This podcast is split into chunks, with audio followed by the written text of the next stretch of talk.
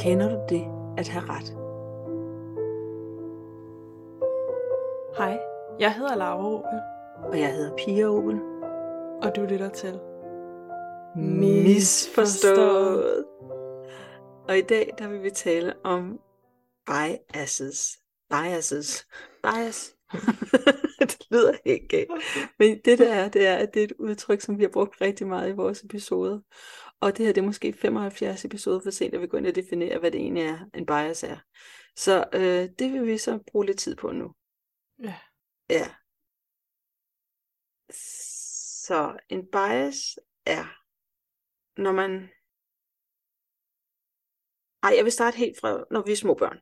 Når vi er små børn, så har vi ikke nogen forudfattede meninger om, hvad eller idéer om, hvad der kommer til at ske. Vi løber bare rundt og leger, og vi er nysgerrige, og vi, vi vælter øh, vandflasken, og vandet falder ud. Og vi vælter vandflasken, og vandet falder ud. For vi har ikke nogen forventninger om, hvad der kommer til at ske. Vi har ikke den erfaring, det erfaringsgrundlag endnu. Men så når vi vokser, så får vi et erfaringsgrundlag. Og det vil sige, at vi har en forventning om, hvad der kommer til at ske. Så når jeg vælter vandflasken, så har jeg en forventning om, at vandet falder ud. Det er ligesom om, det er sådan, og det, det er super smart, at jeg har den bias, fordi det gør, at jeg lettere kan navigere i, i den her verden, for jeg skal ikke hele tiden være teste og være undersøgende. Øh, fordi jeg ved, hvad der kommer til at ske. Øhm, Ja. Ja. Så det er smart. Så på den måde, så er det smart, at vi har, har den her øh, erkendelsesevne, eller øh, jeg ved ikke, hvad det hedder, men at vi, at vi kan lære oplevelser og bruge det øh, fremadgående. Det, der, der måske, det er, at nogle gange, så er der nogle ting, som nogle biases, hvor vi får ind, som, mm, som måske ikke gavner os på samme måde, som, altså det er ligesom om vi bliver, vores system bliver lidt øh, corrupted, der kommer lidt sådan noget ind i det, som, ej, det er måske ikke det helt det, jeg vil sige, men måske vi får noget bias, der gør, at vi bliver meget sættet på, at nogle ting er på en bestemt måde, og vi kan ikke komme væk fra, at det er den måde, det er på. Og det vil sige, og det, det er ting, vi selv har konkluderet, fordi at vi har oplevet et eller andet, og så er det sket sådan, og så bliver vi ved med at tro, at verden er sådan. Og det der er problemet, det er, at vi tror, at verden er på en måde, som den måske overhovedet ikke er. Vil du ikke sige det, Laura? Det er helt skørt, det jeg sidder og siger. Ja, altså jeg tror, der er det, at den fleksibilitet omkring, som børn har omkring deres hjerne i måden, de tænker på, hvis vi blev ved med at være så fleksible i vores tankegang, så vil det være rigtig svært for os at fungere mere i forhold til som voksen, at man også skal kunne udføre en hel masse opgaver, som man ikke skal som barn, og skulle stå til ansvar for en hel masse ting, så man er nødt til at have en eller anden forudsigelighed. Og det er også det, som hjernen søger i at vide, at hvad der kommer til at ske, så man kan forholde sig til situationen rigtigt, på den rigtige måde. Ja. Så bias, det de gør, de går ind og påvirker den måde, vi analyserer ting. Og den måde, vi analyserer ting, de påvirker vores resultater. Og derfor er bias vigtige. Og i dag, der vil vi tale om det, der hedder confirmation bias. Og confirmation bias, det er, det er et bekræftelsesbias. Det betyder, at når vi har gået ind og, og fået ind under huden, at tingene er på en bestemt måde, så vil vi gerne have ret. Vi vil gerne øh, have den tryghed her i verden. Så det vi gør, det er, at vi går ud og leder efter, at tingene er, som vi har analyseret os frem til at være. Ja. Ja.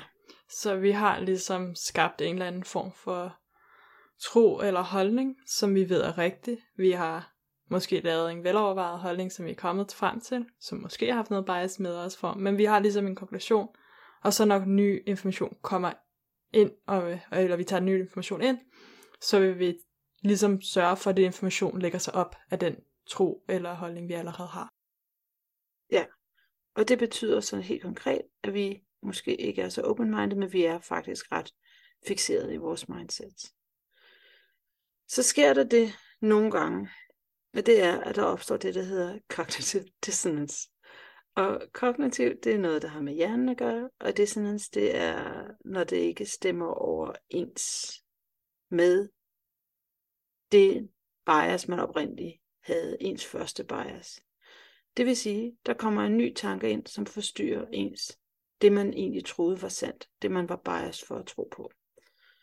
Øhm, det kan for eksempel ja. være, at hvis jeg ved, der er en person, jeg ikke kan lide, og så gør den her person noget rigtig sødt, og er altså rigtig super sød mod mig, så er der ligesom en uoverensstemmelse imellem, hvad jeg ved om personen, og min holdning til dem, og hvad de lige har gjort eller handlet, deres handlinger der. Ja, det kan også godt være, hvis vi gerne vil være sunde, øh, og så har vi måske besluttet for, at vi ikke vil spise kager eller chokolade og sådan noget, og så har vi enormt meget lyst til noget chokolade, og så spiser vi det alligevel. Så kan vi godt overbevise os selv om, at, at et stykke chokolade, det gør ingen skade. Og så er der ligesom, så kommer der lige ind og kommer lidt mudder i systemet, fordi der er to tanker, sundhed, chokolade, sundhed, chokolade, men så kan vi måske overbevise, ja. Og kognitiv dissonans, det er, når der ligesom er to tanker eller to øhm, holdninger, øhm, som man har, som modsiger hinanden. Og man har begge to, og det, man ved ikke sådan, altså, så det skaber lidt sådan en, ligesom fnider i ens tankeproces, fordi Ja. der er to imod sine tanker, der er til stede samtidig. Ja, det giver en sådan en mental øh, utilpashed. F- Ja, der, der fnider ens tankeproces. Det er rigtig godt. Det er en rigtig god måde at sige det på. Og det vil vi gerne undgå. Så vi prøver at undgå at have, at man har to imodsigende tro. Om den ene måde, man kan gøre, er, at man kan ligesom rationalisere. Så for eksempel med chokolade, at spise et stykke chokolade, så kan man rationalisere, at det er okay, at jeg spiser det i dag, for jeg har været så sund resten af tiden. Så jeg Ja. må gerne spise usundt i dag. Ja. Øhm, eller man laver en anden form for rationalisering, så man ligesom siger, at det er okay, at jeg har de her to tanker eller holdninger, der modsiger hinanden. Fordi man overviser sig selv, fordi den der mentale, eller det der tankefnider, det, det der med de der tanker, der går imod hinanden, det, det er virkelig, det er ubehageligt, det er et sted, vi ikke vil være. Altså, ja, Ja, og med et eksempel omkring, hvis man ved, at der er en anden person, der man ligesom allerede har valgt at sige, at de er ikke særlig søde, og de kommer og gør noget sødt, så kan man enten rationalisere og sige, at det er bare tilfældigt, og de er faktisk bare, det er bare en manipulation, og de er ude efter udnytning på en eller anden måde. Eller man kan måske faktisk også gå ind og sige, hov, det kan være, at min oprindelige holdning ikke var rigtigt, og man kan begynde at stille tvivl omkring, om man faktisk, om den anden person reelt set, om man havde lavet en rigtig vurdering til at starte med, eller om mm. der, den nye information kan faktisk gå ind og, og gøre, at man er nødt til at justere ens oprindelige holdning og sige, hov, det kan godt være, at den her person faktisk ikke var så slem, som jeg oprindeligt troede. Mm. Og det der med at gå ind og justere vores overbevisning, det er, det, det har vi bare alle sammen rigtig, rigtig svært ved. Fordi at hjernen er doven, og den vil hellere tro på det, den allerede har bestemt sig for at tro. Den er ikke fleksibel, den er, den er blevet infleksibel, eller den, den, den er doven. Og det er bare meget let at tro på det, man hele tiden har troet på, end at gå ind og justere på ens første bias, eller ens, øh, og sige, gud, den her person er, eller den, den her person er faktisk venlig, så er det lettere at sige, komme med nogle rationelle forklaringer på, hvorfor den her person måske bare er ude på at manipulere eller gøre noget andet. Ja, Ja, det giver god mening, at vi har en bias til at sige, at bare fordi der sker en enkelt situation, så skal vi ikke ændre hele vores trofundament. Øhm, problemet er, når vi bliver ved med at lave de her rationaliseringer, til at man hele tiden bliver bekræftet i ens tanker og holdning, på trods af, at man faktisk måske egentlig burde begynde at tænke, hov, det kan godt være, at jeg har lavet en konklusion her, som jeg bliver bekræftet i, men som måske ikke reelt set har taget ind al information, jeg burde. ja. Jeg vil tilbage til det, med, med, som Laura siger, det er en god idé, det der med, at vi ikke øh, nødvendigvis ændrer vores opfattelse på grund af en hændelse, fordi, øh, fordi en sommer gør ingen svale. Altså det der netop, øh, hvis det nu er, at mm, hvis nu øh, du nævnte noget med tyngdeloven, før vi gik i gang med podcast, hvad var det, du sagde? Tyngdekraften. Ja, tyngdekraften. Altså, men hvis man nu, tyngdekraften den eksisterer, og det ved vi, det vil bias til at bestemme, eller til at vide, til at tro på, og så sker der et eller andet, hvor den af en eller anden grund ikke er, og det kan jeg ikke hvorfor den ikke skulle være der. Jeg går ind i et rum, hvor man er vægtløs. Så skal For jeg jo eksempel, ikke... hvis man træner til at være astronaut, så tror jeg Ja. faktisk, at de kan lave, hvor... Ja, lige netop.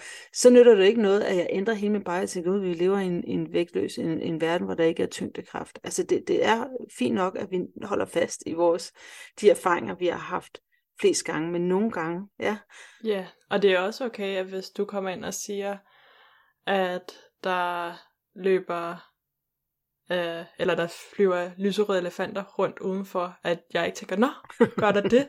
At jeg tænker, måske det, på? at jeg ligesom holder mig, forholder mig kritisk til, hvad du siger. Det er også helt okay, at jeg har den Ja. ja. form for, at jeg ligesom ikke siger, nå okay, det er ny information, der er det nu, eksisterer nu lyserøde flyvende elefanter, bare fordi du har sagt det. At det er okay, at jeg ligesom siger, eh, gør der virkelig det? Er der noget andet, der foregår her? Ja. Så de der bias, vi har, de, de, de, de er, det er godt, vi har dem, men nogle gange så holder de os bare fast. Og det, derfor, det, og det, det, det giver os en tendens, altså, og det giver os en tendens til, at vi har det med ikke at tage ny data ind. Altså selvom der kommer nye data, så vil vi ikke tro på andet end det, vi allerede tror på. Øhm, Og jeg tror også, at det er fordi, at det, der er noget godt ved, at vi har det her, men problemet er, at det, vi ofte ikke er bevidst om, at vi laver denne her lynhurtige proces, der siger, hvad der er mest effektivt, og det er mest effektivt at holde fast i ens tro. At skulle begynde at revurdere, hvad man har troet på, og på grund af noget nyt information, kræver rigtig meget energi og tid, og man skal processere alt det information, man har kendt før, i forhold til den nye information også. Så det er en meget langsom proces, som man ikke altid har tid til at gøre, så når man gør det, så er det jo så mister man jo også på effektivitet, og man mister på Mm. mm. tid og energi. Men jeg tror også, at der er det, at det føles heller ikke særlig rart at skulle mm. anerkende, at man har taget fejl. nej. Altså dels det der med, netop anerkende, at man har taget fejl, men jeg vil gerne lige have lov at sige det der med, det er fordi vores hjerner er dogne, og det er, det er, der er en masse arbejde forbundet med at ændre opfattelse. Altså det, ja, og det kender vi i mange sammenhænge. Men, og så er det det der med, at når man, så er der også et kæmpe ego-hit, når man, øh, når man finder ud af, at man er proven wrong, at man har lavet en fejl. Og det kender vi sikkert alle sammen, hvordan det føles, når nogen kommer og siger til en, om, det, om du lavede en fejl der. Altså den, åh, så bliver man totalt, og jeg bliver i hvert fald defensiv, fordi hvis der er noget, jeg ikke vidste, så vil jeg have lavet en fejl lige der. Ikke? Altså, Ja, ja, og jeg er også god til at forklare, hvorfor jeg ikke har lavet en fejl. ja, men det kan være, det kun os, Laura, der har det sådan. Ja. Så det vil sige, altså, øhm, det er vigtigt for os at vide, at vi har ret. Altså det, øh, det er, og alt at få at vide, at vi ikke har ret, det er ligesom en øhm, trussel mod vores overlevelse. Ellers vores, vil vores ego jo ikke øh, springe sådan op af kassen af boksen. Vel? Mm. Ja, og jeg tror også, at man kan se, at de ting, man bliver mest defensiv omkring, er ofte dem, der er tættest forbundet til ens identitet eller ens ego. Så Ja. jo mere det betyder, jo mere fundamentalt er det for måden, man går til verden og ser verden på, den her tro, jo sværere er det, at folk stiller spørgsmålstegn ved den. Mm. Fordi jo større en trussel er det til ens Mm. mm. verdenssyn. Så Mm. det er en form for trussel hver eneste gang, vi får at vide, at vi tager fejl. Der er ikke noget med, at det er fedt og, altså, at få at vide, at man har taget fejl. Det er noget, vi prøver at undgå. Og man kan selvfølgelig lære at tage imod det, men det, det er sådan en trussel. Det er sådan en, åh oh, nej. Ja. Og så er det lettere at rationalisere, at man ikke har taget fejl. Ja. Og det betyder så, at vi kan synke dybere og dybere ned i vores eget perspektiv, sådan så vi faktisk ikke kan komme nogen vej ud af det. Og det, øhm, det fra Hidden Brain, jeg kan ikke huske, hvad han hed, ham psykologen, der lavede nogle studier, men han, de, han, på en eller anden måde fik han infiltreret en gruppe, øh, der, der hed The Seekers tilbage i 1950'erne, og de var overbevist om, at der ville komme nogle UFO'er og hente dem, og de, jeg tror, de var frelste på den måde. Og de stod kolde vinternætter og ventede på, UFO'erne kom og hentede dem der, hvor de har fået at vide, øhm, der hvor de har fået at vide, at de vil blive hentet. Og, mm, og det der sker, det er, at UFO'erne kom ikke og hentede dem. Og det kan lyde meget sjovt, men fra deres synspunkt, der var det jo deres, altså det, lyder, vi står herude og synes, det er måske lidt en joke, men det var det ikke for dem. For dem er det, eller var det, det de troede på ville ske. Og for hver gang UFO'erne ikke kom, så kom de bare dybere og dybere, sank de dybere og dybere ned i det perspektiv, og ville ikke, og kom, gav ikke op på den, det confirmation bias, eller det, på det bias, de havde om det. Øh, de blev så ikke rigtig konfirmeret i det, Laura. Det kan man ikke sige, de gjorde. Jo, fordi at de var altid i stand til at rationalisere, hvorfor UFO'erne aldrig oh, ja. kom. Så de ja. rationaliserede, okay, vi har misforstået beskeden, det der egentlig skulle, hvornår de kommer, er på et andet tidspunkt. Så de har ja, vi bliver helt... testet. Vi bliver testet, ja. Ja, så de var hele tiden i stand til at vedligeholde troen, i stedet for at ligesom sige, hov, det kan da være, jeg har spillet de sidste mange år af mit liv på at vente på UFO, der aldrig kom. Det, ja. det var lidt at rationalisere, at de er her lige om lidt, og jeg bare misforstået noget, eller de tester os. Og, og, og den her psykolog, der lavede de her undersøgelser, han sagde, eller som fik infiltreret den her gruppe, han siger, at det er grunden til, at, de ikke, at man har så svært ved at give op på, på det, man tror på, det er fordi, at hvis de, altså det er lettere for dem at rationalisere, hvorfor UFO'erne ikke, hvorfor de ikke blev hentet, fordi hvis de skulle sige, vi tog fejl, altså det er bare, mm, det er bare så svært for os, og det går så meget på identiteten, netop det der med, ja, øh, Ja. Yeah. Og det er jo også fordi, at det er jo hele deres verdenssyn, som de så er nødt til at ændre, og, og alt, hvad de har reageret ud fra, baseret yeah. på den, er de jo også nødt til at gå tilbage og sige, okay, yeah. og ligesom stå til ansvar for en hel masse, ikke? Ja. Og der var nogle af dem, der havde mistet deres jobs, og det var sådan, altså, det, det var, det var, det var blevet deres liv at tro på det her. Og det vil sige, det vil sige at det betyder så meget. Den der tro, den ligger så meget, så dybt i en, så man, man begynder at, at skabe, ønsker at skabe mere og mere bevis for, at den findes. Altså, øhm, ja, og så bliver det sværere og sværere at komme tilbage. Øh, og sige, at jeg tog fejl. Altså, jeg tog fejl. Det er, bare, det er bare rigtig svært at komme tilbage og sige, at jeg tog fejl. Ja, og jeg tror egentlig også, at der er det, at det er, det er rigtig svært, når vi har skabt en tro og ligesom at, at skulle revurdere den. Og jeg tror, at for eksempel øhm, lige nu, hvor vi optager, så er der i USA for eksempel, hvis man kigger politisk, og man kan også kigge på politisk i Danmark, øh, men for ligesom at holde det lidt mere fjern for, for os, mm. øh, så har vi, at der er en del mennesker i USA, der ligesom tror på, at demokratiet ligesom er ved at bryde sammen, og der ligesom mm. er en nedbrydelse af det. Men man har det faktisk på begge sider. Man har en side, som tror det, fordi at der har været valgfusk og snyd, og den person, der ligesom vandt på grund af det, stadigvæk får lov til at være præsident.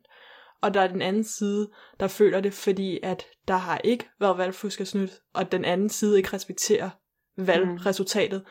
og skaber en hel masse øhm, problemer ved ikke at acceptere det, der ske, faktisk skete. Og begge sider er meget overbevist omkring deres side og tror på, at den anden side, det de gør, er at nedbryde demokratiet. Og det er rigtig svært, hvis man har en holdning til det, at gå ind og sige, at det kan være, at den anden har ret, og det kan faktisk være, at jeg tager fejl.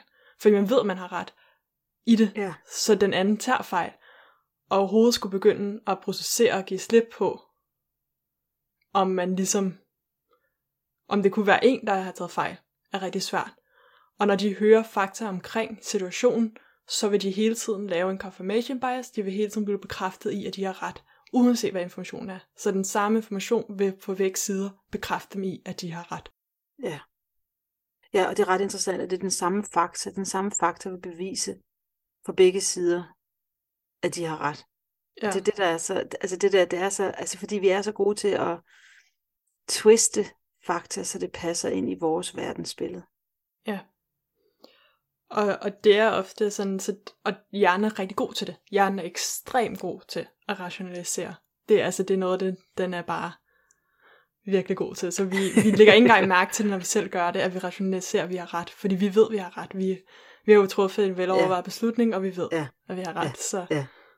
Ja. så må alt andet lige passe ind i, hvad vi har truffet beslutning.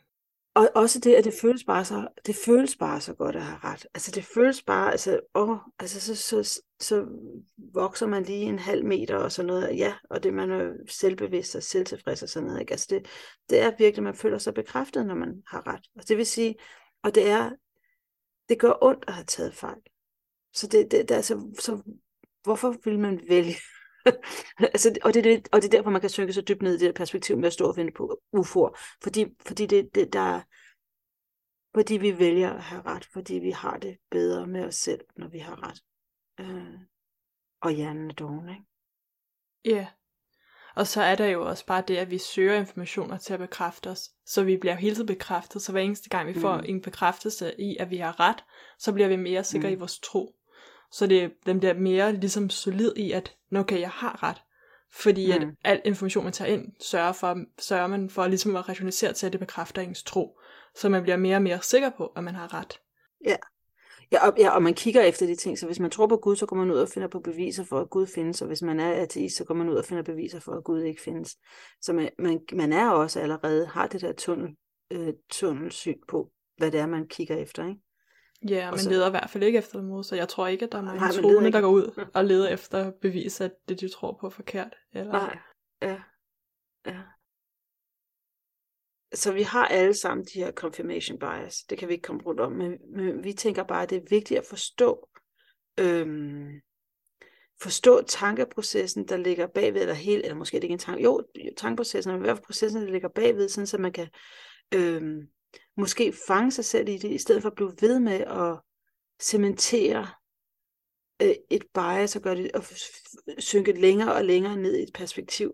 Men ligesom, ligesom forstå at holde tanken lidt ud, fordi det vi tænker, det, det bliver det liv, vi lever. Øh, ja. Ja. Og også fordi, at, og måske også forstå, at vi har forskellige virkeligheder. Så det kan godt være, at vi synes, at sådan nogen, der står og venter på UFO, vi kan slet ikke forstå, hvor de kommer fra. Eller nogle andre ting i vores hverdag, der er lidt tættere på os i dag. Men det er bare sådan, at vi oplever de samme oplevelser forskelligt. Øh, og det gør vi højst sandsynligt baseret på indlærte ting. Og det gælder om, hvis vi skal...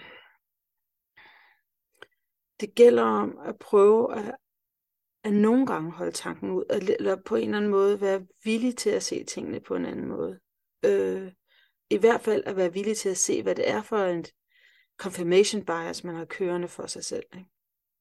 Ja, og jeg tror, det er rigtig vigtigt at egentlig at kunne lære og måske nogle gange kunne stille spørgsmålstegn ved ens tro og de ligesom holdninger og ting, som man har, som måske ikke stemmer overens. Um, også især fordi at det er dem, der skaber vores virkelighed, så vi kan let, become, uh, vi kan let blive ligesom fanget i vores mm. tankeproces til, at tingene bliver, som de altid har været, fordi det er sådan, vi tror, det kommer til at blive. Mm. Um, og jeg tror, at man kan sådan især se det i forhold til um, nogle af de tro, nogle af de ting, man tror omkring sig selv, som måske begrænser sig i sit liv. Altså, hvis man tror, at man aldrig kommer til at kunne klare sig godt i jobbet, så kan selve den tro gøre, at man aldrig måske går ud og egentlig lige sætter sig selv lige på et spil, lige det ekstra, til at man faktisk kan klare sig pisse godt i jobbet, fordi man allerede på forhånd ligesom har skudt sig selv ned. Så den tro kan gøre, at man ikke lever til sin fulde på samme måde. Mm. Um, så de her tro, det er også omkring med sig selv, og og omkring alle mulige situationer, som vi kan have de her biases, confirmation, confirmation bias, hvor vi bare bliver ved med at kunne måske at blive bekræftet i, at man ikke er god til jobbet, og kun kigge på de situationer, hvor det går galt, i stedet for at kigge på alle de situationer, det går godt, eller hvad det nu skulle være. Og det lyder måske underligt, at vi, kan, at vi kan finde på at tale os selv ned, men det gør vi. Eller det er der i hvert fald nogen af os, der gør. Eller jeg kan genkende det hos mig selv, kan jeg sige. Så det gælder også om, at når jeg siger, mm, og det her, det er et meget tænkt tilfælde, jeg siger. Men hvis jeg nu går rundt til mig og siger til mig selv, jeg kan ikke tabe mig, jeg kan ikke tabe mig, så er det ligesom om, så styrer jeg mit liv baseret på den tanke om, at jeg skal gå rundt i hele mit liv og være for tyk altid. Men, men spørgsmål, det er der, hvor jeg skal, jeg skal være villig til at tage fejl. Altså, jeg, tager, jeg, jeg kan faktisk godt tage fejl. Jeg skal være committed til at tage fejl. Og så kan man sige, at det der underligt, at jeg holder mig selv fast i sådan noget med, at jeg er dum, eller jeg er tyk, eller sådan noget, men mm, det er bare sådan, igen, at vores hjerner, det er bare, hvis det er noget, jeg har fortalt mig selv hele mit liv, så er det lettere for mig, så er der bare rigtig meget øh, hygge og komfort i at lulle mig selv ind i den, den, den overbevisning om mig selv, selvom det ikke er en styrkende fortælling. Og det er, fordi vi har dogne hjerner. Altså, ja. Ja, så vi vil hellere have ret og være ja. i smerte, end at, at turde tage fejl og egentlig gøre os sårbar i at, at være i den proces, i at, ja. at revurdere. Han måske ja. har taget fejl, og tingene ikke helt er, som man troede. Ja.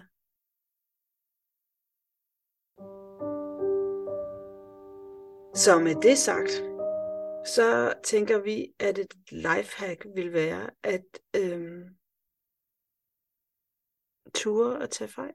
Ture at være, øh, altså altså committe sig selv til at, at også selvom det kræver noget smerte, så ture gå den vej. Fordi efter et stykke tid, så den smerte, man føler, så vil den blive den nye bias, så vil det, det, vil, det, blive, det vil blive det nye normal. Så smerten vil gå igen, forsvinde igen. Ja. Ja.